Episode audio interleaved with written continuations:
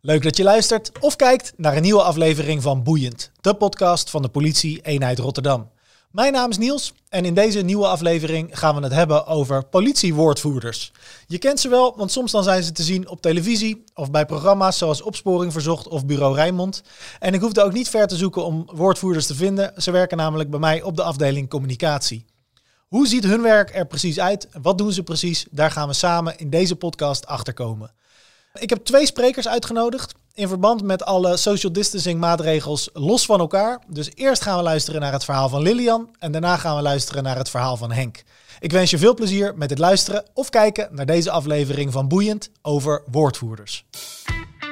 De, de grootste criminelen zijn vaak de beste bronnen. Als je, als je weet dat je het kan, dan moet je er ook voor gaan. Uh, bij mij aan tafel zit Lilian van Duivenbode. Uh, mijn collega van communicatie. Alleen waar ik content maak, ben jij woordvoerder. Uh, welkom in de podcast. Dankjewel. Kan jij aan mij en de luisteraars eens vertellen wie jij bent en wat je doet? Nou, ik ben Lilian van Duifbonen. Ik ben dus woordvoerder bij de politie Rotterdam. Dat doe ik nu uh, zo'n 12,5 jaar. Ben ooit binnengekomen als communicatieadviseur. En ergens halverwege de overstap gemaakt uh, naar woordvoering. Dat waren toen nog een beetje aparte takken. Inmiddels loopt dat een beetje door elkaar heen uh, en doen we van alles wat. En jij zegt dat je dus niet uit de politieorganisatie komt, maar dat je echt als bij de afdeling communicatie heb gesolliciteerd. Uh, dat is ook te zien op jouw schouder. Jij hebt een vlammetje waar ik bijvoorbeeld in dit geval een kroontje heb. Um, wat is het verschil tussen een, zoals we dat noemen, executieve politieagent en uh, een woordvoerder in dit geval? Ja, ik zeg dan altijd, ik ben geen echte politie. Dat klinkt een beetje neerbuigend en uh, ik wil we hebben ook een belangrijke taak, maar ik heb toch altijd hoog, groot respect voor de mensen die in mijn gevoel het echte werk doen. Ik heb ooit op school bij mijn kinderen een uh, spreekbeurt over de politie mogen geven op een soort beroependag. En ik kwam binnen en toen was het, waar zijn jouw handboeien? Waar is jouw wapen? Nou, dat heb ik allemaal niet, nee. want ik ben niet executief. Dus ik loop niet op straat. Ik heb geen politieacademie gedaan. Ik heb die achtergrond niet, die trainingen niet, die bevoegdheden niet. En dus ook al die middelen niet. Nou, die kinderen waren eigenlijk gelijk afgehaakt. Ja, die hadden zoiets van, wanneer komt er een keer een echte agent? En ik zeg altijd tegen kinderen, ik ben degene die over het werk van de agenten, wat zij doen op straat, wat zij meemaken, ik mag het vertellen aan de media, dus aan een krant of aan een journaal. Dat is mijn werk. En kan je daar eens wat meer over vertellen? Waaruit bestaat het werk als uh, politiewoordvoerder? Dat bestaat echt maar voor een fractie uit die quote voor die camera. Wat heel veel mensen denken. Ik merk dat als ik met mensen praat, dat ze zeggen: Oh, ik ken jou van Opsporing Verzocht. Of ik ken jou van Bureau Rijmond. Of ik heb jou bij Hart van Nederland gezien toen daar die grote explosie was in die straat. Maar dat is echt maar zo'n klein onderdeel van ons werk. Wij zitten over het algemeen elke dag uh, 24-7 zijn wij bereikbaar voor journalisten die vragen hebben over incidenten die op dit moment aan de gang zijn. Maar we zijn er ook voor collega's die iets te vertellen hebben, die graag iets naar buiten willen brengen. Uh, dat kan zijn als we een grote partij kook vinden, dat we dat heel graag willen communiceren, omdat we willen dat de criminelen die zich daarmee bezighouden weten dat wij die partij hebben. En dat niet hun partner het achterover heeft gedrukt. Want ja, dan zou er zomaar zo'n vergeldingsactie kunnen plaatsvinden. Dus dan is het belangrijk om te zorgen dat dat bekend wordt. Nou, zo kunnen er heel veel motieven zijn waarom we heel graag zelf over iets willen communiceren. Het heeft natuurlijk ook te maken met het feit dat we transparant willen zijn. Dat we openheid van zaken willen geven. Voor zover het kan. Want je moet ook altijd de afweging maken. Het onderzoeksbelang. Ik vind het altijd echt een dooddoener om te zeggen. Ja, in het kader van het onderzoek mogen we daar niks over zeggen. Ja. Maar soms is het wel zo. Weet je, wij hebben bij een, een overval kan ik vaak wel vertellen van nou, er is een mes gebruikt en uh, er is geld buitgemaakt. Maar het exacte bedrag of hoe dat mes eruit zag, dat is informatie die alleen die dader weet. Ja, en het slachtoffer waarschijnlijk. Maar als dat in een hele beperkte kring die kennis bekend is, dan kan een rechercheur die kennis weer gebruiken in een verhoor. Daar moeten wij dus rekening mee houden dat we niet te veel van dat soort daderinformatie prijsgeven. Dus als woordvoerder ben je, voordat je uiteindelijk een quote kan geven of een persbericht kan maken of een tweet kan versturen. Want het is echt op allerlei platformen dat we onze woordvoering doen. Ja. Uh, maar er zit een heel traject aan vooraf. Wij zijn als woordvoerders uh, de schakel tussen de buiten- en de binnenwereld. Wij moeten dus ook inschatten van welke vragen leven er. Wat zouden mensen hier graag over willen weten? Dan stemmen we weer af met collega's. Wat mag er überhaupt naar buiten? Wat kunnen we brengen? Um, er spelen geruchten in de buitenwereld de ronde. Nou, die moet je ontkrachten als we dat kunnen. Want anders komt er misschien wat paniek of onrust in een wijk. Dat wil je niet. Dus je wil graag snel duidelijkheid geven. Maar het is ook wel weer een feit dat wij als overheidsinstantie ons aan de feiten moeten houden. En heel vaak doet een gerucht zich de ronde. Denken we dat het niet klopt. Maar zolang je het nog niet 100% hard kan maken, kun je dus daar nog niet aan branden. En waar een journalist al heel vaak kan gaan speculeren, moeten wij ons echt aan die feiten houden. Dus die balans tussen welke geruchten spelen er, in hoeverre kan je dat ontkrachten, welke informatie kan je brengen in het onderzoeksbelang en daar een goede strategie in vinden, dat vertalen naar een woordvoeringslijn en dat dan weer gaan uiten in verschillende vormen van content. En het gebeurt maar één op de honderd keer dat er een keer een cameraploeg komt en die zegt ik wil daar een quoteje over. Veel vaker zijn we gewoon bezig met het schrijven van persberichten voor onze website, met het maken van content voor onze social media kanalen. Twitter is voor ons een heel belangrijk medium om met journalisten in, in verbinding te staan. En zo heb je een heel scala aan middelen wat je inzet daarvoor. Dat is, een, uh, het is heel breed, dus begrijp ik. Uh, en, en van al die dingen waar je mee in aanraking komt, wat is daarvan het moeilijkst? Er zijn wel verschillende aspecten die ik ingewikkeld vind. Um, wat mensen vaak denken is dat het ingewikkeld is van, oh ja, als je meer weet dan dat je mag vertellen, dan nou, dat. Dat kan ingewikkeld zijn als een journalist echt heel erg blijft doorvragen op verschillende manieren om het toch uit je te trekken. Dan moet je wel heel erg gefocust blijven van, nee, we hebben afgesproken dat in het belang van het onderzoek dit het stuk is wat ik kan delen. En dat dit het stuk is wat we nog eventjes uh, achter moeten houden, omdat we dat echt nog nodig hebben om het onderzoek verder te brengen. Nou, dat kan ingewikkeld zijn. Ehm, maar wat ik ook uh, ingewikkeld kan vinden, is ja, ik ben gewoon niet zo stoer als een echte agent. Weet je, die, die kunnen toch een hoop dingen wat makkelijker uitschakelen. Ik ben ook gewoon een moeder en ik zit heel vaak in alle materie die we behandelen als gewoon een burger, een moeder. En ik kan echt nog wel eens af en toe gewoon meegaan in emoties. Of dat ik dan denk van, oh, maar dit is echt heel zielig. Of dat, oh dat weet je, als zo'n vrouwtje van 93 wordt beroofd van de sieraden die van de vingers worden getrokken. Ja, je staat daar als, als woordvoerder, dus je bent daar gewoon als een instantie. Maar ik heb daar wel zo mijn eigen gevoelens bij af en toe. Ja. En dan moet je ook uitkijken dat je niet het uh, laffe overval en wat een klotzak. Dat, dat je dat soort. Soms heb ik wel dat je denkt van, ik zou het anders willen zeggen. Van welke imbeciel doet zoiets en laten we met z'n allen de tip, ja. geef een tip, want deze moet er, deze moet zo snel mogelijk naar binnen. Weet je, en dan moet je toch professioneel blijven. Dus dat kan je dan niet al te veel meenemen. En tegelijkertijd ook niet van steen. Je mag het, nee, hè? nee. Nou, ik denk dat een goede woordvoerder ook wel dus de balans tussen je professionaliteit maar ik denk dat empathie en, en het feit dat we meeleven en dat we gewoon ook oprecht dat, dat voelen. Ook al ben ik geen agent, ook al ben ik geen rechercheur. Ik doe dit werk wel omdat ik er oprecht in geloof dat ik een steentje bij kan dragen aan het goede doel wat de politie heeft. Weet je, het recht doen, het veiligheid bieden, het hulp verlenen. En ik ben dan niet letterlijk degene die die pleister plakt of die die, die boef aanhoudt. Maar ik heb wel heel erg de hoop dat het werk dat wij doen daar een steentje aan bijdraagt. En ik denk dat een goede woordvoerder dus ook wel dat gevoel moet hebben van ik, ik, ik ben politie en ik help mee. Ja. Het is ook wel ja, de en ultieme. ook, denk ik. Het, het is ook het meest toffe als je, want we hebben het net over woordvoering bij incidenten gehad, dat je daar de, natuurlijk de vertaling maakt van wat ga je vertellen. Ja. Maar we doen ook heel vaak woordvoering omdat we uh, tips willen. Omdat we, dus dan ben je echt wel gewoon aan het helpen bij dat, dat opsporingsbelang. We willen een boef vinden door de beelden te tonen en een oproep te doen. Maar ook uh, door op andere manieren proberen uh, aandacht te krijgen voor zo'n zaak en zoveel mogelijk tips binnen te halen. Daarmee ben je dus aan het helpen. En het is zo tof als je dan zo'n oproep hebt gedaan en je wordt die avond of de volgende dag gebeld door een regisseur. En die zegt dan, we hebben de gouden tip. En we weten nu wie het is en we gaan hem morgen aanhouden. Nou, dat is gewoon kicken. Dat is een sensatie. Is, ja, dan, dan, ook al ben je, dan voel je je echt een beetje politie. Ja, nou ja maar een beetje politie. Ja, nee, maar dan voelt het alsof je echt van het echte werk bent. Ja, ik weet dat, ik weet dat we zijn ook politie en misschien dat nu heel veel woordvoerders echt meteen in de... ja, die, die, die, hangen straks allemaal bij mij in de telefoon. Wat doe je nou? Uh, wij zijn ook echte politie. Maar voor mij is het toch een beetje het onderscheid in, in de mensen die op. Weet je, ik raak al in paniek als mijn kinderen een bloedlip hebben. En zij staan gewoon af en toe mensen van de treinbaan af te schrapen. Weet je, en dat, dat is gewoon, heb ik heel veel respect voor. Ik zou gewoon dat soort werk denk ik niet kunnen doen. En daarom heb ik Het toch... is anders, maar laten we zeker zeggen niet minder belangrijk. Toch? Dat Nee, nou ja, ja, dat zo, hoop ik. ik. hoop echt dat, dat wij ook echt wel een, een belang dienen en ons steentje bijdragen. Ja. En dat weet ik ook wel, want we houden met die opsporingsprogramma ook in bijna 40% van de zaken leidt het uiteindelijk tot een herkenning en een aanhouding. Ja. En dan heb je het alleen nog maar over de herkenningen. Hey, je zei net, eh, een goede woordvoerder, daar, die zou eh, aan een aantal dingen moeten, moeten voldoen. W- wat zijn dat voor dingen? Waar, wa- wanneer ben je een goede woordvoerder?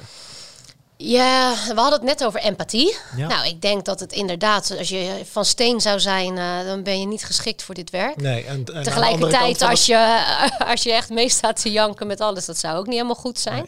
Je moet dat dus ook wel kunnen handelen. Hè? Je, we- ook al staan wij dan niet daadwerkelijk aan de lat bij al die eh, heftige incidenten soms. Eh, je hoort wel al die verhalen. Dus dat, je moet daar niet al te veel last van hebben. Je moet dat wel een plaatsje kunnen geven. Maar ik denk dat het aller, allerbelangrijkste is dat je goed kan inschatten wat de buitenwereld heel graag wil weten. Dat je dat kan vertalen naar de mensen van wie je, bij wie je de informatie moet ophalen. En dat je dan de goede inschatting kunt maken van wat kunnen we hierover vertellen. Maar je moet ook ehm, kunnen, eh, ja, hoe zeg je dat? Eh, Het, het framen van sommige journalisten kunnen weerstaan of weerleggen. Je wordt soms een bepaalde hoek ingedrukt. En dan moet je ook wel eh, bij de feiten kunnen blijven. En je niet mee laten slepen in, in bepaalde tactieken of frames die je opgelegd worden. En heb je daar dan een training of een opleiding voor gehad? Of hoe, hoe word je daarin bekwaam? Ehm, we hebben in het verleden wel mediatrainingen gehad. Dus dan zijn het vaak eh, ex-journalisten of soms mensen die nog steeds als journalist aan het werk zijn, die met ons een soort training doen, die met ons oefenen. Eh, je leert het meeste. Dat is net met autorijden. Weet je, op een gegeven moment heb je je rijbewijs, maar je leert het beste rijden op het moment dat je het gewoon gaat doen. Ja. En dat geldt natuurlijk voor dit werk ook. Dat je gewoon eigenlijk de meeste ervaring en kunde opdoet tijdens het werk zelf. Die mediatrainingen zijn ook al lang geleden dat we die voor het laatste gehad hebben. En we hebben zo af en toe eens een, een, een webinar in deze tijd, maar in het verleden ook wel eh, soms is een, een college of dat iemand een keer een workshop komt geven om net eventjes wat nieuwe vakkennis eh, bij te spijkeren. Ja. En nou zou het heel goed zo kunnen zijn dat mensen die op termijn interesse hebben om als woordvoerder aan het werk te gaan of, willen weten hoe dat in zijn werk gaat, eh, die dan bij deze podcast uitkomen. Want als je je huiswerk doet, dan ga je googlen. En als je googelt, kom je bij de podcast boeiend uit. Ehm, hoe gaat het in zijn werk? Hoe wordt iemand woord, woordvoerder? Nou, ik heb zelf een communicatieopleiding gedaan. En ik ben dus via een soort zijdeur de politie binnengekomen. Maar we hebben bij ons op de afdeling ook een aantal mensen werken die gewoon agent zijn geweest en die vanuit intern zijn doorgestroomd naar communicatie. En soms zijn dat dus dat mensen in de avonduren een communicatieopleiding hebben gevolgd. En soms ook niet eens. Dus er zijn meerdere wegen naar Rome. Ehm, ik vind het zelf prettig. Hè. Ik heb een communicatieopleiding gedaan en die achtergrond. Maar ik merk dan wel weer dat ik af en toe wat operationele politiekennis mis. En ik denk dat het ook andersom werkt. Maar dan is het juist mooi als je een team allebei hebt. Want dan kun je elkaar... eh, ik heb in het verleden dan wel heel vaak dat ik zeg... eh, artikel 310, eh, Henk, wat is dat? En dan, dan souffleert hij je en dan... oh, oké. nou, dan, en dan kun je weer verder met je Ja. bericht. Dat is makkelijk. Ja. En of, of hoe bepaalde processen lopen. Ja, dan is het soms wel makkelijk als je gewoon een politieachtergrond hebt.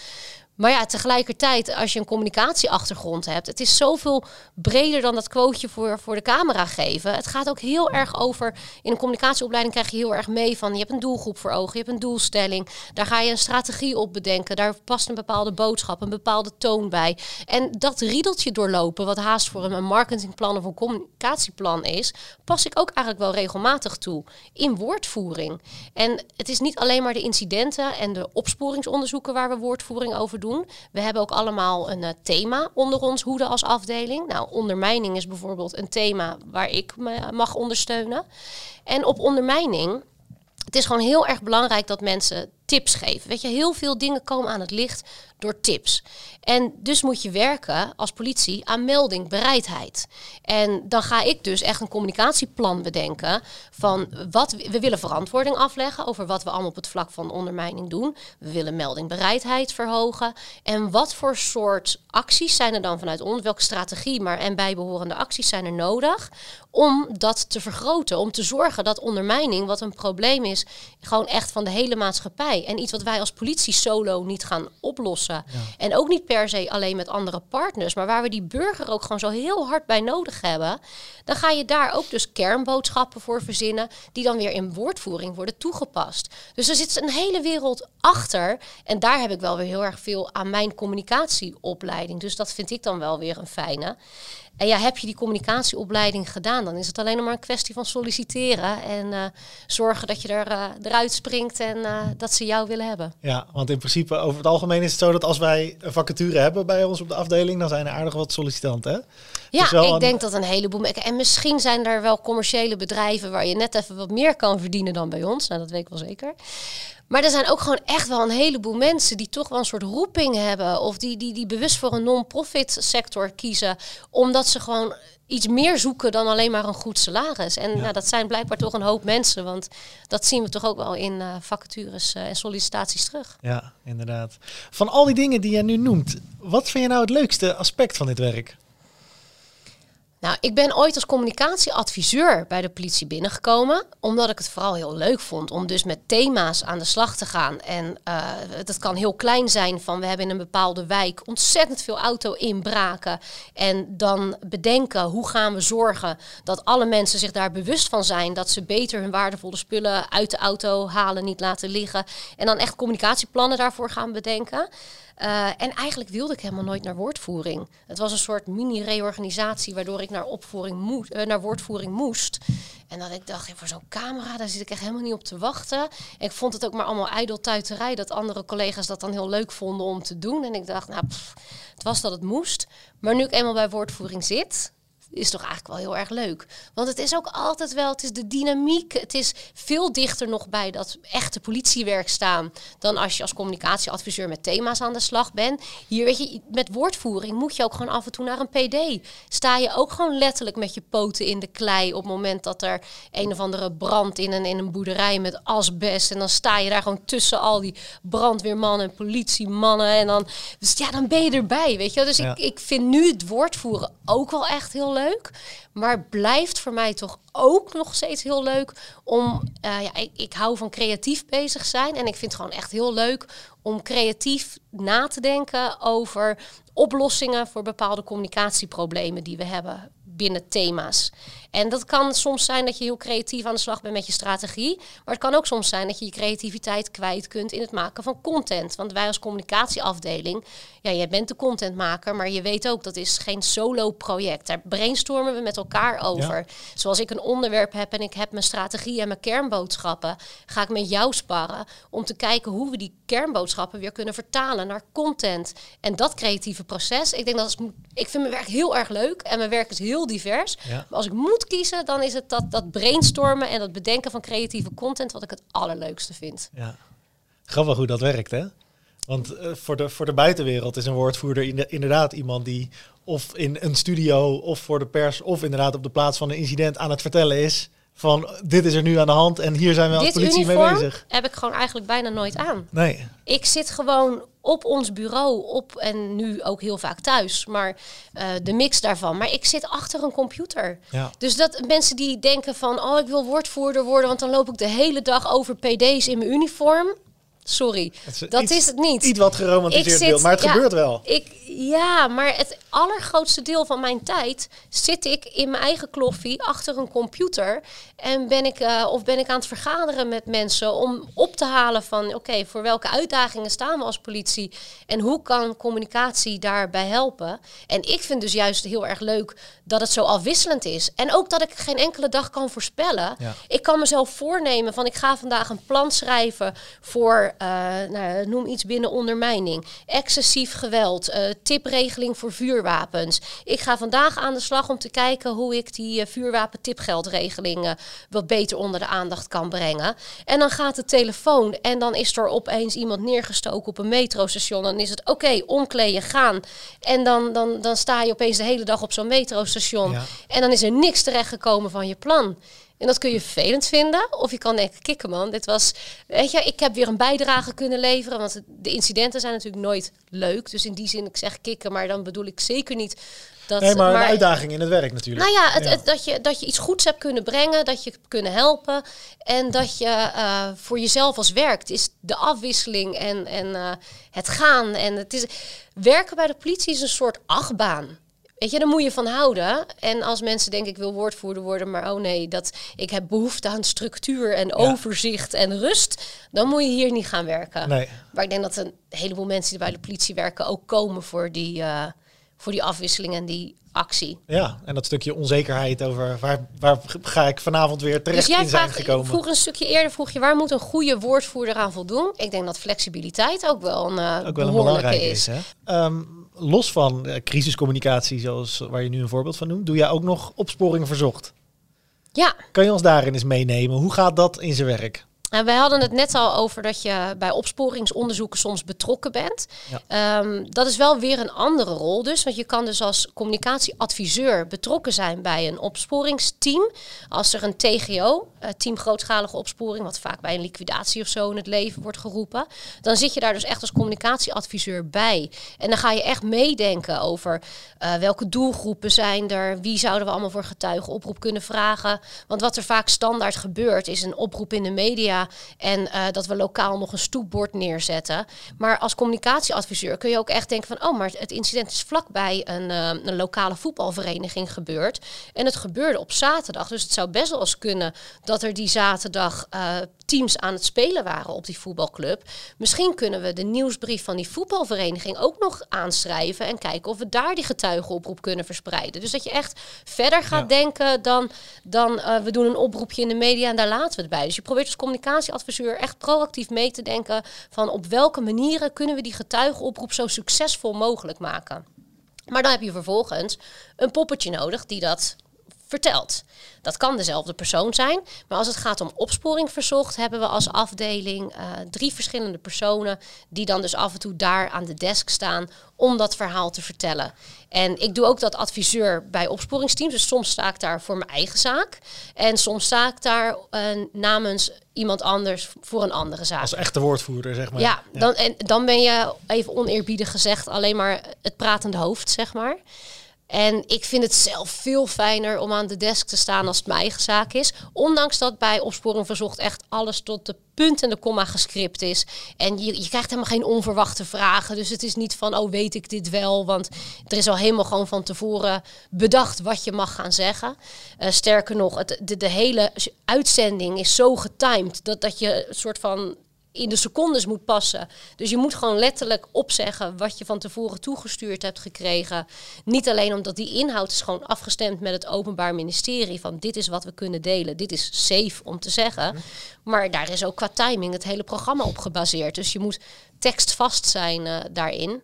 Maar toch, ik heb altijd het gevoel als het mijn eigen zaak is, dan sta ik daar net even wat zekerder. En eh, dan denk ik, dit weet weet. ik. I Ja. got this. Dit, dit- kom maar.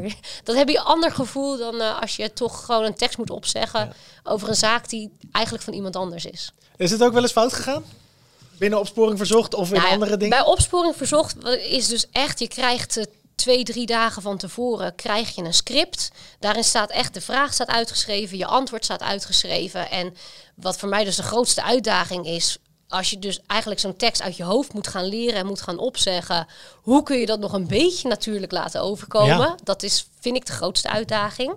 Maar ik ben ook altijd strontzenuwachtig of ik dan al die blokjes tekst nog weet. En ik sta dan, voordat die uitzending is, ja, dat, dat zien mensen natuurlijk niet, maar we hebben om vijf uur hebben we de technische doorloop. Dan gaan ze kijken of qua timing het programma wel helemaal loopt, of alle filmpjes oké zijn. Dan kan er nog wat met titeltjes en dingetjes worden aangepast. Dan hebben we om zeven uur de generale repetitie en om half negen gaan we live voor de uitzending. En ik ben eigenlijk altijd heel relaxed, want ik denk altijd als ik me de druk, ik weet die tekst dan wel, maar naarmate het dichter bij de uitzending komt, dan word ik steeds zenuwachtiger en dan krijg ik opeens de, de zenuwen dat ik denk, oh ik weet niet meer, ik weet niet meer, straks krijg ik een blackout en dan weet ik het niet meer. Dus ik loop dan altijd als een kip zonder kop achter die coulissen. Dan zijn ze al met die uitzending bezig en dan is er een zaak van Amsterdam en dan weet ik dat ik daarna moet en dan loop ik maar in die coulissen nog even mijn tekst te repeteren en dan sta ik eh, ergens tussen de gordijnen van, van die televisiestudio nog even te herhalen. En over het algemeen gaat het altijd goed. Maar het is me dus wel eens overkomen Maar omdat ik dan zo zenuwachtig ben dat ik het vergeet, ben ik altijd heel blij als ik het dat ik dat het gaat in blokjes. Denk ik, "Phew, hij is eruit. Dit Het heb blokje, ik gehad. Helemaal goed. Ja. En ik had dus een keer dat ik dacht van oké, bu- ik heb mijn riedeltje gedaan, blokje eruit en ik was helemaal blij. En ik kijk zo lachend Annico aan en ik denk yes, ik heb het weer gedaan, het is weer gelukt. En zij begint te praten en zij gaat nog een deel zeggen waarvan ik denk, oh shit, dat hoorde nog bij mijn tekst. Oh jee. Dat ben ik dus gewoon echt helemaal vergeten. Nou ja, en dan is het maar heel fijn dat Annico van Zanten echt zo'n enorm topwijf is met een olifantengeheugen en, en, en een stalen blik. Staat zij gewoon mijn tekst af Die te coacht maken. jou dan eigenlijk daarin. Nou ja, zij pakt in ieder geval mijn Ja, fout ja. op. Zij, zij heeft gewoon alles wat ik ben vergeten te vertellen. Dat is dan weer het voordeel van zo'n script. Zij weet precies wat ik nog had moeten zeggen en wat ik niet gezegd heb. je hebt dan niet, heb je dan een oortje in dat ze zeggen van, hey, nee, Trut, je wat vergeten? Nee, hebt- nee, nee, maar dat, die stem hoorde ik wel, maar dat was gewoon ja. zelf. Ja, nee, want dat zou alleen nog maar meer afleiden natuurlijk. Ja, En je moet ja, als je, moment. we hebben natuurlijk voor opsporing verzocht eh, verschillende vormen van quotes. Eh, voorheen stonden we heel vaak aan de desk in de studio in Hilversum. Nou, vanwege corona is dat nu even niet. Maar voorheen, vroeger was ook wel dat we soms een quote vanaf de meldkamer gaven. Dat is vaak bij hele actuele zaken. Weet je, er is vanmorgen een ontploffing geweest. We willen last minute nog een getuigenoproep infietsen. Dan is het vaak een quote die we vanaf onze eigen meldkamer gaven. Dan sta je dus wel met een oortje in. Ehm, maar dan hoor je tijdens de uitzending hoor je alleen Annico. Dus je hoort de studio. Voordat je de uitzending ingaat, hoor je dan wel de regiekamer. En dan geven ze dus ook wel aan van... joh, eh, je haar zit nog een beetje raar... en je moet nog even je boordje goed doen. En eh, het licht moet nog een beetje bijgesteld worden. En je gaat erin over 10, 9... En daarna hoor je dan alleen Annico en dan hoor je haar praten. En de techniek is gelukkig inmiddels verbeterd. Maar vroeger hoorde je ook nog jezelf in een vertraging van een seconde terug. Nou, dat is dan... Om dan dus met een stalen gezicht door te blijven praten... terwijl je jezelf terug hoort komen met een seconde vertraging... Nou, dat is echt... Dat is. Dat moet je door jezelf heen, eh, ja. door jezelf heen spreken inderdaad. Ja, maar en wat ik dan, dat is dan ook wel, ehm, als je hebt van wat is leuk aan je werk. Ik heb één keer stond ik klaar op de meldkamer om die quote te geven. Die tekst is helemaal uitgeschreven. In die tekst, eh, we zochten vier mannen. Twee waren er al aangehouden. Of, nou, de, in, de vier mannen hadden een delict gepleegd. Twee hadden we er al aangehouden. We zochten er nog twee. En vijf minuten voor de uitzending word ik gebeld door de regisseur. We hebben de derde aangehouden. Ja, dan moet je dus gewoon eigenlijk aan, ter plekke tegen je oortje zeggen... die tekst gaat anders worden. We hebben de derde aangehouden, we zoeken alleen nog die. Maar je moet je voorstellen, zij hebben al allemaal van die dia's klaarstaan... met een omschrijving van een signalement, met een foto erbij. Dan moet dus hals over kop die ene persoon eruit gehaald worden. Dan is het alleen nog maar dat ene signalement. Dan moet ik ook nog wel van welke van de twee hebben we aangehouden. Want ik heb dan ook dat riedeltje in mijn hoofd van... het was iemand met een blauwe muts en een Adidas trainingsbroek en Nike schoenen... en uh, en zo'n riedeltje voor, voor die andere persoon. Maar ik moet nog maar één riedeltje opzeggen, want we hebben er één aangehouden. Dat was echt, uh, moest ik echt heel vlak voor de uitzending nog even... Oké, okay, kras door dit blokje en uh, tekst anders. En uh, oké, okay, maar dan is het alweer tijd en dan is het maar gaan met die banaan. Het klinkt spannend. Gelu gebeurt gelukkig ook niet heel nee. veel. Want dat is niet goed voor je zenuwen. Want we zitten hier ja. nu natuurlijk, ik bedoel, de camera's nemen op. Maar uh, als er iets niet goed gaat, kunnen we dat eruit halen. Ja. We kunnen er even over nadenken. Desnoods doen we de hele podcast opnieuw als ik blijk een camera verkeerd te zetten. Ja, ik vind Bij een live quote, televisie kan uh, dat niet. Nee, ik vind een quote gewoon die opgenomen wordt, daar heb ik ook eigenlijk nooit zenuwen voor. Maar daarom heb ik bij op OV dat. Want dit is live. Als het fout gaat, no way back. Weet je, dan is het gewoon al uitgezonden. Ja, ik moet zeggen, het is je niet aan te zien. Het, en ik vind het wel bewonderenswaardig. Oh, ik zie het zelf heel dat, goed aan mezelf. Ik krijg een soort van dikke nek. Dus iedereen die dit dan nu ziet, gaat de volgende keer natuurlijk op opletten. letten. Als en het nu zien. anders is. Ja. Maar ik, ik, dit, dit zet op en ik krijg een soort van dikke aderen in mijn oh, nek. Ja? En dit wordt ook een soort van meer gespannen. Het, uh, ja, ik zie het zelf wel bij mezelf. En mensen die me goed kennen, die zien het ook wel aan me. Okay. En ik praat net even toch iets stijver dan... Maar goed, dat is ook wel omdat het ingestudeerd is. En ben je nu op je gemak? Zien we nu ik de echte merk Lilian? dat ik een klein beetje hyper ben. Maar dat komt dan ook wel omdat ik mijn werk leuk vind en enthousiast word van erover te vertellen. Dat ik wel. Ja. ja, niemand is. Dat ben ik ook wel echt. Zo ben ik ook wel, maar natuurlijk niet altijd. Ik bedoel, als ik s'avonds chill op de bank Netflix lig te kijken, ben ik niet zo hyper. Dat ben je is niet zo hyper, nee. Uh, nee. Maar ja. het is natuurlijk wel, uh, als je het hebt over je passie en je werk en je plezier, dan wil je er natuurlijk ook graag over vertellen. Ja, ik vind mijn werk wel echt heel leuk. Ja, leuk. Hey, ehm, we maken deze podcast voor de buitenwereld, zoals je dat net zo mooi noemde. Omdat wij als politie in verbinding willen staan. Niet alleen als het gaat om opsporingscommunicatie, maar ook als het gaat om het laten zien van ons werk eh, en eh, het bereiken van de mensen. Wat zou jij tegen de bewoners van onze eenheid willen zeggen? Ik heb het net al een beetje gezegd, maar ik uh, wil het heel graag nog een keer herhalen, omdat ik het echt heel belangrijk vind. Maar zowel bij opsporingscommunicatie als bij dingen waar we misschien nog helemaal geen onderzoek uh, op hebben lopen, maar wel op het fenomeen, maar niet een exacte casus, tip, meld. Weet je, we moeten het samen doen. Er zijn zoveel problemen waar wij als politie echt wel heel hard aan willen trekken om het op te lossen of om het minder te maken. Maar zonder hulp van burgers gaan we dat echt niet voor elkaar krijgen. En uiteindelijk weten burgers, die weten gewoon het meest. Die weten die ene auto die daar op die parkeerplaats staat, die, die is niet van een medebewoner en die, die, die staat er nu al zes weken en ik vertrouw het niet. Er zijn zoveel dingen die alleen een, een bewoner zouden opvallen. Of als jij op hele rare tijdstippen mensen met grote boodschappentassen een woning in en uit ziet gaan, dat je denkt van, ik weet eigenlijk niet eens wie er woont en het lijkt alsof er elke keer iemand anders komt en ze lopen daar met tassen en op rare tijdstippen. Dat soort informatie. Kijk, wij kunnen niet in elke straat staan constant of op elke straathoek zijn. Dus wij hebben zo erg de ogen en oren van mensen nodig om ons te vertellen waar verdachte dingen. En dan gaan wij wel daar die deur binnen en dan gaan wij wel uitzoeken of het echt iets is. En schroom niet om te melden, want we hebben liever een melding te veel die uiteindelijk niks blijkt te zijn, dan dat we dingen missen en dat we dingen niet oplossen die we hadden kunnen oplossen. Dus meld. Deze podcast gaat nog even door. Zometeen met onze collega Henk. Maar Lil, ja, ik zeg Lil, omdat ik je altijd zo noem. Mag ik jou in ieder geval bedanken voor jouw bijdrage aan deze podcast. Ja, leuk. Nou, dankjewel dat ik mocht komen.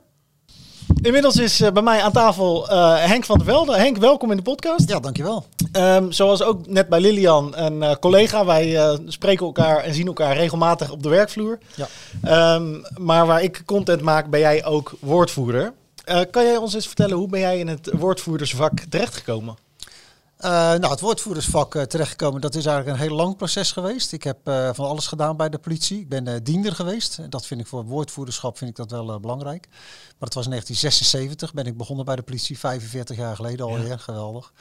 Ehm, en dan heb ik een tijdje bij de recherche gezeten. Dus die kant van het vak, die ken ik ook wel een heel klein beetje. Ja, en toen naar de, naar de opleidingen gegaan. Daar begonnen ze een audiovisuele dienst. Weet je wat we nu uh, hier doen hè? met de podcast. Deden we toen uh, in de beginjaren van het video. Want we waren echt nog met tapes en dergelijke.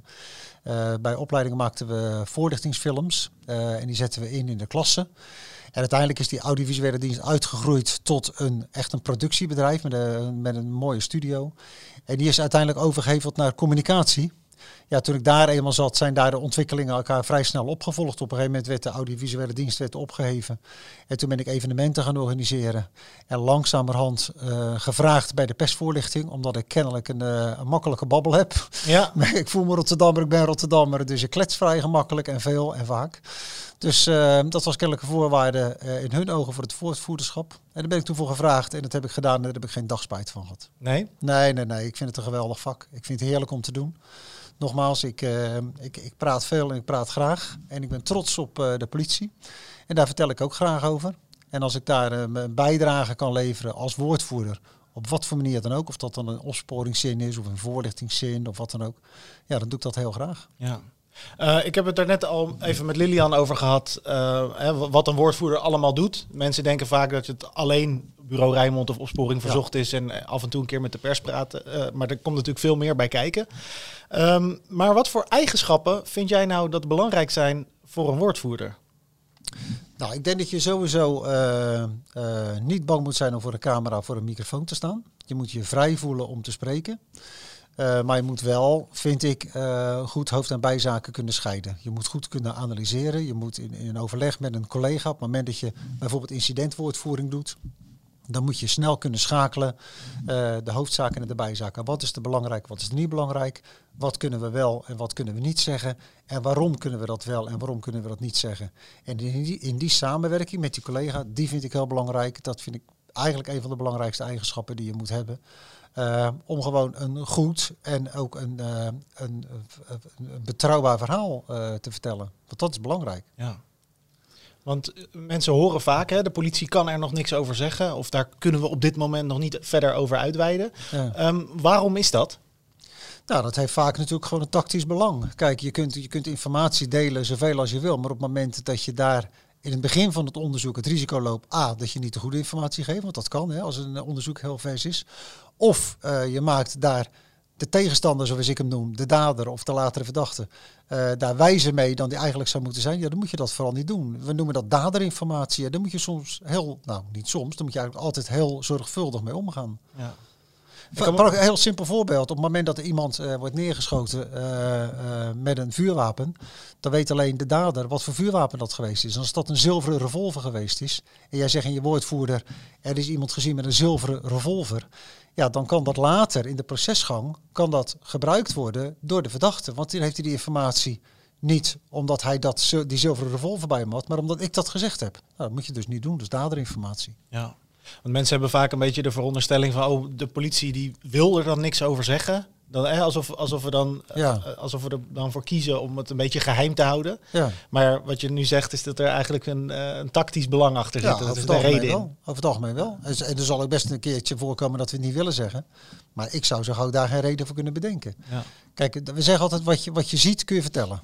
Zo simpel is het. Hè? Als, als ik ergens kom en er ligt eh, één lichaam op straat, dan hoef ik niet te verbloemen dat er een lichaam op straat zit, want dat kan iedereen zien. Ja. Ja, daarnaast is er gewoon informatie die je gewoon achter wil houden, die je niet breed bekend wil maken, omdat je dat later in het onderzoek nog wil gebruiken. Ja. Of op een ander tijdstip. Of op een ander tijdstip. En, dan, en dan, dan zet je dat tactisch in. Ja. ja. Toen ik net eh, begonnen was bij, bij ons op de afdeling, toen eh, hebben wij een training gehad. En volgens mij heette dat eh, mm, communicatie onder druk. En dat was eigenlijk een simulatie van een groot incident waar we dan allemaal voor werden ingezet. En jij was, nou ja, eh, logisch, eh, als woordvoerder in die training. Ja. Ehm, en wat mij toen opviel is dat er dan op zo'n moment heel erg veel dingen gebeuren. En je bent met allerlei dingen bezig. En ik, eh, net zoals jij, kom uit de operatie. Dus mijn hele belevingswereld schiet meteen in het handelen naar het Ja. incident toe. En wat ik bij jou zo knap vond, is dat jij dus heel erg goed daarbuiten kan blijven. En goed zeg maar kan filteren van oké, maar wat is nu belangrijk om te weten? En dat dan ook nog eens om kan vormen naar een verhaal wat je eigenlijk in een paar zinnen eh, nou ja, heel helder naar buiten kan brengen. Ja, maar weet je, dat heeft natuurlijk ook met ervaring te maken in de eerste plaats. Dat heeft ook met leeftijd te maken, denk ik. Eh, je maakt me de pis niet gauw lauw, eh, zoals ze dat dan wel eens eh, zeggen. Ja. En ik denk dat het belangrijk is om gewoon een goede woordvoering te hebben. Je moet er buiten gaan staan en gewoon als een soort helikopterview eroverheen. Oké, wat speelt er nu daadwerkelijk? En wat kan ik wel en wat kan ik niet? En dat is makkelijk praten als je de ervaring hebt die ik heb. Maar ik kan me ook voorstellen, toen jij hier eh, net kwam, weliswaar uit de operatie, maar neem een andere collega die hier net komt. Ja, dan komt wel heel veel op je af. En dan is dat best lastig, eh, want er komt natuurlijk ook heel veel spanning bij kijken. Hè? Laten we eerlijk zijn, het is niet niks om, om ten overstaan van misschien wel honderdduizenden mensen een verhaal te vertellen. Ja. En je ook nog wel dat ze je geloven, want dat is dan ook nog eh, de bedoeling. Dus dat, dat valt niet mee. Maar bij mij, ja, weet je wel, het is, het is ook denk ik een stuk ervaring wat erbij komt. En ik heb er geen moeite mee om er eh, te gaan staan. Dat heb ik nog nooit gehad. Dat heb ik in presentaties eh, buiten de politie heb ik dat ook nooit gehad. Dus dat, dat werkt wel mee. Dat is wel fijn als Ja. je dat kan. Ja, En, dat is wel belangrijk, denk ja, dat is wel fijn. Ben je daar ook wel eens mee bezig dan? Als je, terwijl je dan eh, voor, ten overstaan van de pers of, Ja, of nee, totaal niet. dat je denkt, oh jee, dit is misschien morgen wel, of vanavond Nee. wel op de NOS. En, Nee. Nee, ik heb echt op het moment dat ik sta en ik ga van de camera mijn verhaal, heb ik echt niet het idee dat er aan de andere kant zoveel eh, duizenden mensen zitten te kijken. Ben ik totaal niet mee bezig. Kan je ons Nee. eens meenemen in een, eh, in, een, in een spannende anekdote over het woordvoerderschap? Je hebt ongetwijfeld heftige incidenten, heftige dingen meegemaakt. Nou ja, je- je maakt heftige dingen mee, je maakt verdrietige dingen mee. En daar ben je natuurlijk ook niet ongevoelig voor, laat dat duidelijk zijn. Eh, en dus de ene keer is dat makkelijker dan de andere keer, want zo simpel is het ook. Hè. Ik heb nog niet zo heel lang geleden op de Martinesse dijk gestaan waar het meisje is eh, doodgestoken. Ja, dat zijn gewoon geen, geen fijne dingen. En eh, dat, dat merk ik ook best wel aan mezelf. Gelukkig kan ik er dan wel boven gaan staan en mijn verhaal doen. Maar soms ben ik ook wel geïmponeerd op een manier waar we zeggen, tjonge, nou word je ineens overvallen door de media waar je niet op gerekend had. Ik heb, het is al heel lang geleden. De instorting van de Hennekijnstraat, een gebouw wat in eh, aanbouw was hier in het centrum van Rotterdam. Eh, op dat moment waren ook de wereldkampioenschappen turnen in Rotterdam, in Ahoy. Maar het gebeurde 's ochtends. Er werden een aantal eh, bouwvakkers eh, werden bedolven onder, eh, onder cement. Het was best een heftige zaak. Ja. Ja. die media die zaten hier allemaal in hotels. Die hadden 's ochtends niks te doen. Dus die krijgen een seintje vanuit hun land. China, Amerika, noem het allemaal maar op. Zuid-Amerika. En die kwamen natuurlijk massaal hier naar die Hennekijnstraat. Nou, daar heb ik echt als woordvoerder werd ik overvallen door eh, 20, 25 eh, cameraploegen. En dat is wel erg imposant. Want er komt natuurlijk veel op je af. Het is een heftig incident, veel gewonden. Eh, de burgemeester die erbij komt en die eh, eist en die krijgt ook zijn positie op dat moment. En dat is niet meer dan logisch. Ja. Dus dan moet er heel veel gebeuren tegelijk. Terwijl je tegenover een, een bataljon aan eh, media staat. Ja, dat is imposant. Maar het zijn ook de dingen die je onthoudt. Dat als ik straks over een paar jaar met pensioen ga.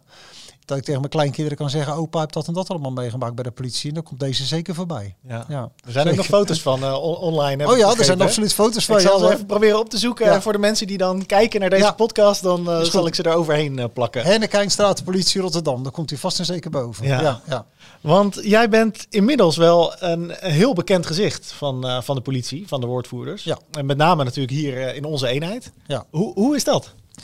Ja, eh, ja, mensen herkennen je. Eh, maar dat komt natuurlijk ook, ik heb jarenlang opsporingverzoek gedaan. Nou, dat wordt goed bekeken, goed bekeken programma. En ik coördineer hier binnen de politiebureau Rijnmond, het regionale opsporingsprogramma op TV Rijnmond. En daar doe ik eigenlijk wekelijks woordvoering voor. Ja, en, en je merkt dan toch, en zeker hier in de, in de buurt van Rotterdam, in de regio Rotterdam, dat het goed bekeken programma's zijn. En mensen herkennen je. En je wordt op straat inderdaad nageroepen met... eh hey bureau Rijnmond, hey, eh, opsporing verzocht, weet je wel, dat soort dingen. Mensen willen je dan kennelijk ook herkennen. Ja. Eh, ik heb soms ook wel het gevoel dat onze doelgroep ook heel goed kijkt naar, naar die programma's. En die Ja. herkennen je dan ook. Die vinden het ook leuk om dan naar je te roepen, kennelijk. En ja, ik heb daar geen probleem mee. Ik, eh, nogmaals, ik eh, ben trots op wat ik doe. En ik, eh, ik heb er geen probleem mee om herkend te worden. En soms gaat het heel ver. Ik, ik heb nog niet zo lang geleden bij een demonstratie gestaan. En dan komt de knul naar me toe.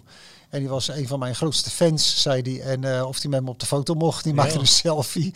Nou, dan maken we een selfie. Vind ik wel grappig. Ja. Dus geen probleem mij. Leuk.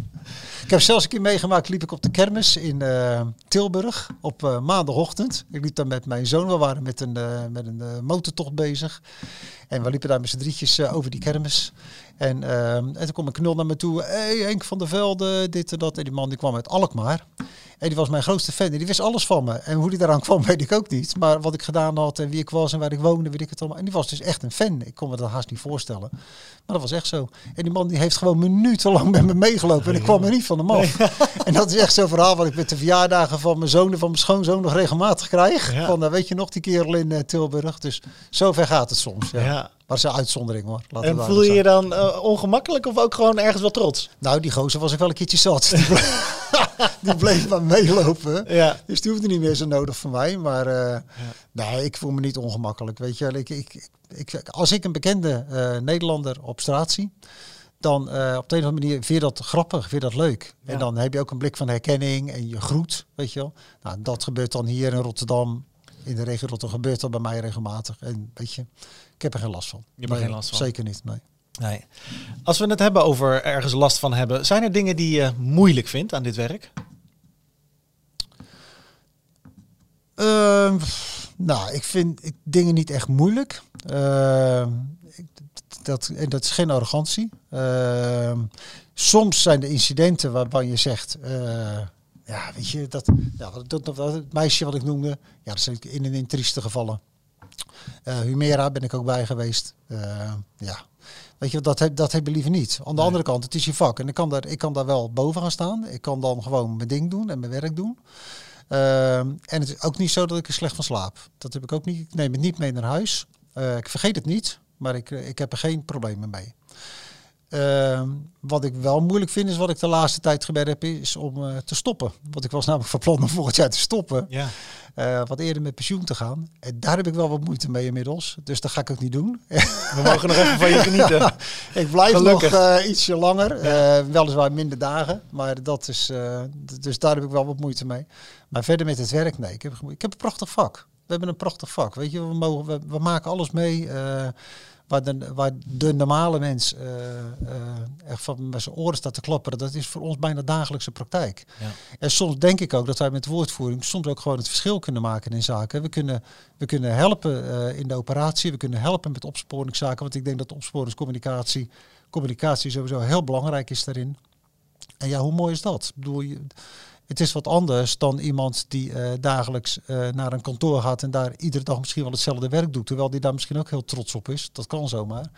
Maar ik denk wel dat wij een heel speciaal vak hebben.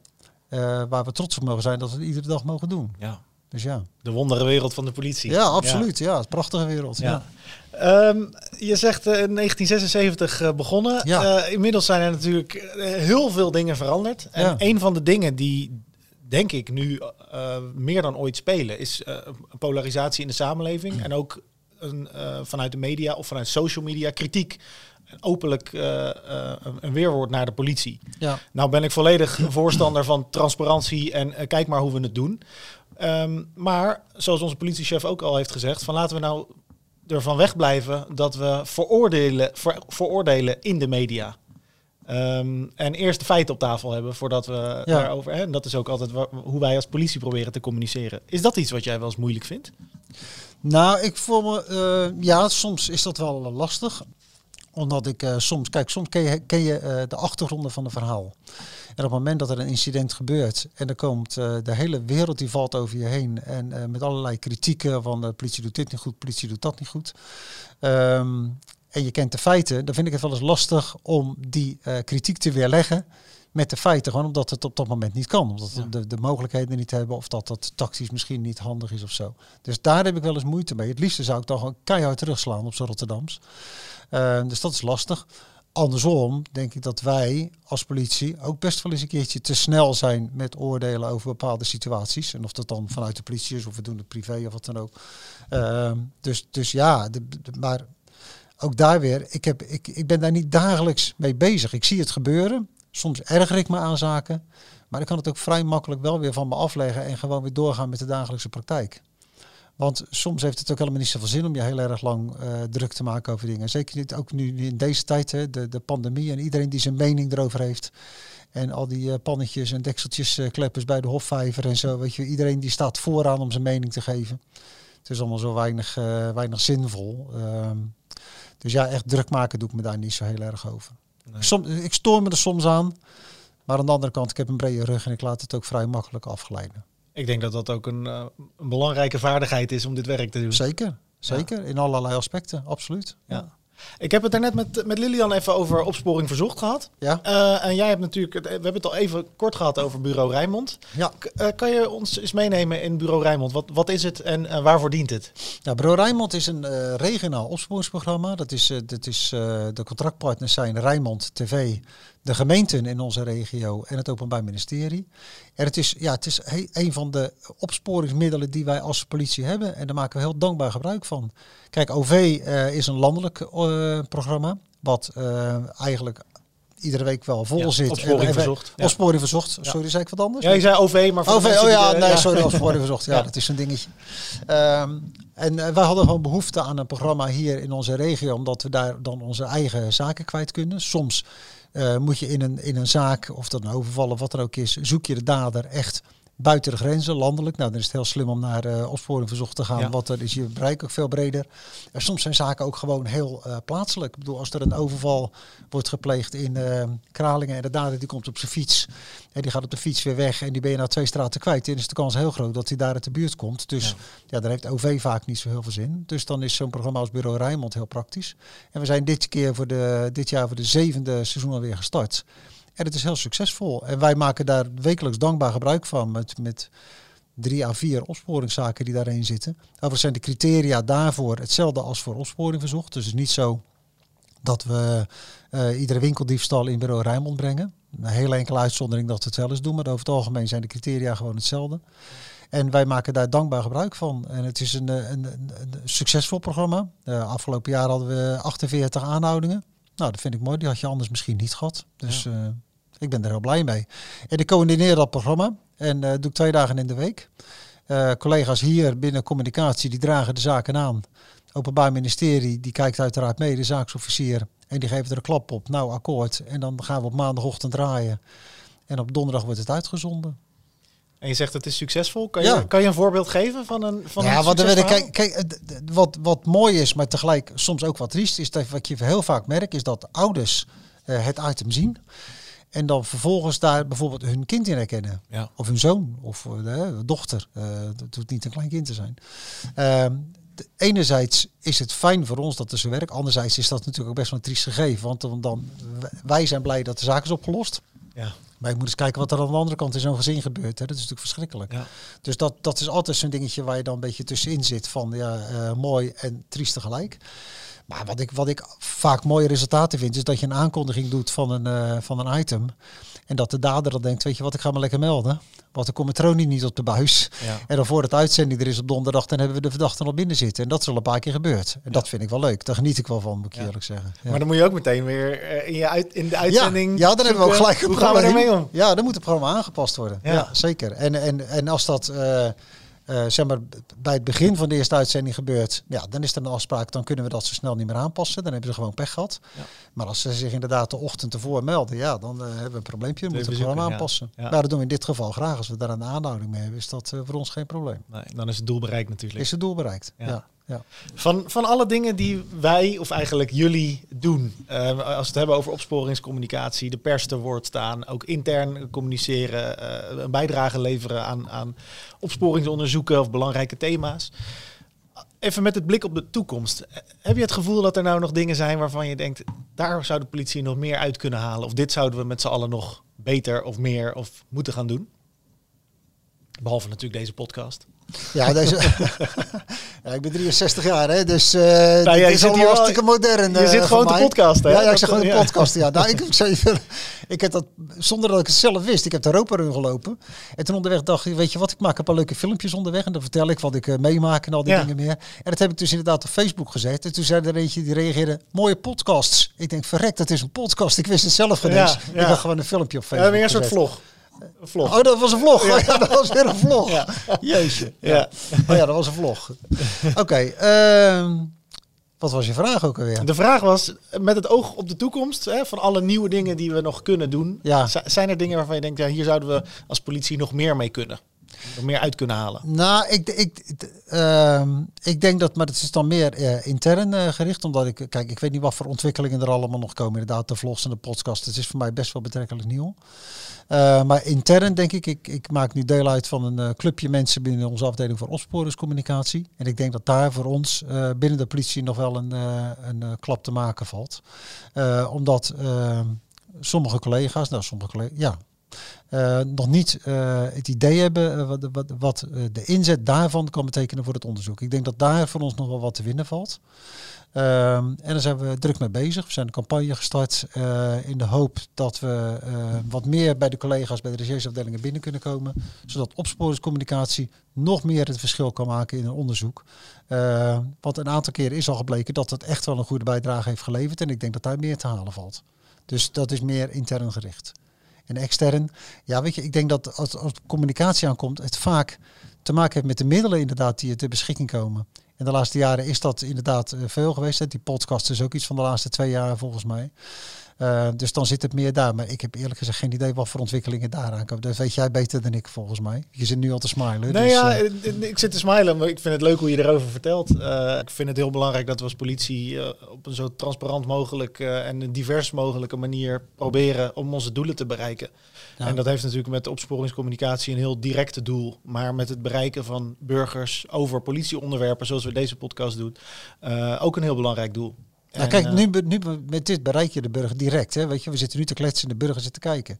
Met opsporingscommunicatie is dat natuurlijk niet anders. Nee. Alleen daar heb je heel veel middelen. Hè? Je, je, van een flyertje tot een stoelboard tot een, tot een nou, tot misschien wel een podcast. Hè? Zou je zelfs daar ook nog bij in kunnen zetten. Ja. Of vlog of wat dan ook.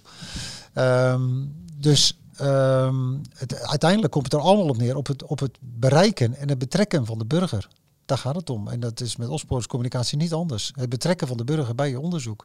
Want daar zit heel veel informatie. Ik bedoel, er zit allemaal, als we hier binnen die vier muur blijven zitten, dan kom je niet aan je informatie. Je moet naar buiten. Ja. Als we het hebben over die burger als, als afsluiter van deze podcast. Uh, je hebt natuurlijk jarenlang eigenlijk de burgers van uh, de eenheid Rotterdam uh, nou ja, gediend. Ja. heb je een, een, een boodschap voor ze? Nu het, nu het kan. Jeetje, nou daar overval je me echt mee. Ja, maar dat is een onderdeel van je werk, hè? Oh ja, dat is onderdeel van mijn werk, ja. Ja, weet je, ik, ik, als ik het puur op deze tijd betrek, uh, dan denk ik dat we met z'n allen niet de kop moeten verliezen. Uh, want daar, ik ben een beetje bang, de ontwikkelingen die er nu aankomen, naarmate het allemaal langer duurt in die pandemie, dat mensen het een beetje zat worden en een beetje uh, ja, de hoofd dreigen te verliezen. Uh, zeker nu de maatregelen die worden nog strenger waarschijnlijk. Dus dat wordt alleen maar lastiger. Dus, dus ja, ik hoop dat mensen wel de verstand blijven gebruiken. En uh, hoe je er ook over denkt, hè, of je het er nou mee eens bent of niet mee eens bent, wat voor effect het ook op je heeft. Want ik begrijp dat, de, dat de effecten groot zijn op, op de middenstand, op horeca, noem het allemaal maar op. Maar mensen, verliezen alsjeblieft je verstand niet. En laten we met elkaar door deze tijd komen en niet tegenover elkaar komen te staan, want dat zou ik zeker niet willen. Ja, weet je, dat is voor dit moment wel de belangrijkste. En ik moet je eerlijk zeggen, ja, ik kan uh, tien jaar vooruit denken en wat zou ik dan uh, willen, maar dat doe ik eerlijk gezegd niet. Dat heb ik nog nooit gedaan en dat doe ik nu ook niet. Ik, uh, ik leef nu en ik maak de dingen mee zoals ze nu gebeuren. En voor de zeer nabije toekomst is dat vooral de boodschap. Laten we de kop erbij houden, hier doorheen komen en dat we met z'n allen het leven mooi oppakken met z'n allen. Ja, nou, ik ben in elk geval blij dat jij uh, ervoor hebt gekozen om je pensioen uh, nog ja. even iets uit te stellen. dat we nog langer van jou uh, mogen ja. genieten. We leren met z'n allen, ik niet op de laatste plaats, heel veel van jou. Dus dat okay, is echt leuk. Mooi. En bedankt. Oké, okay, graag gedaan.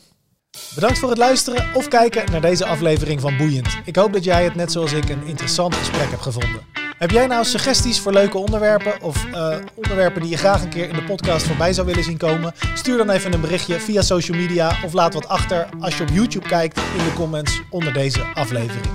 Bedankt voor het luisteren of kijken en ik zie je heel graag over twee weken terug in de volgende aflevering van Boeiend. De podcast van de politie Eenheid Rotterdam.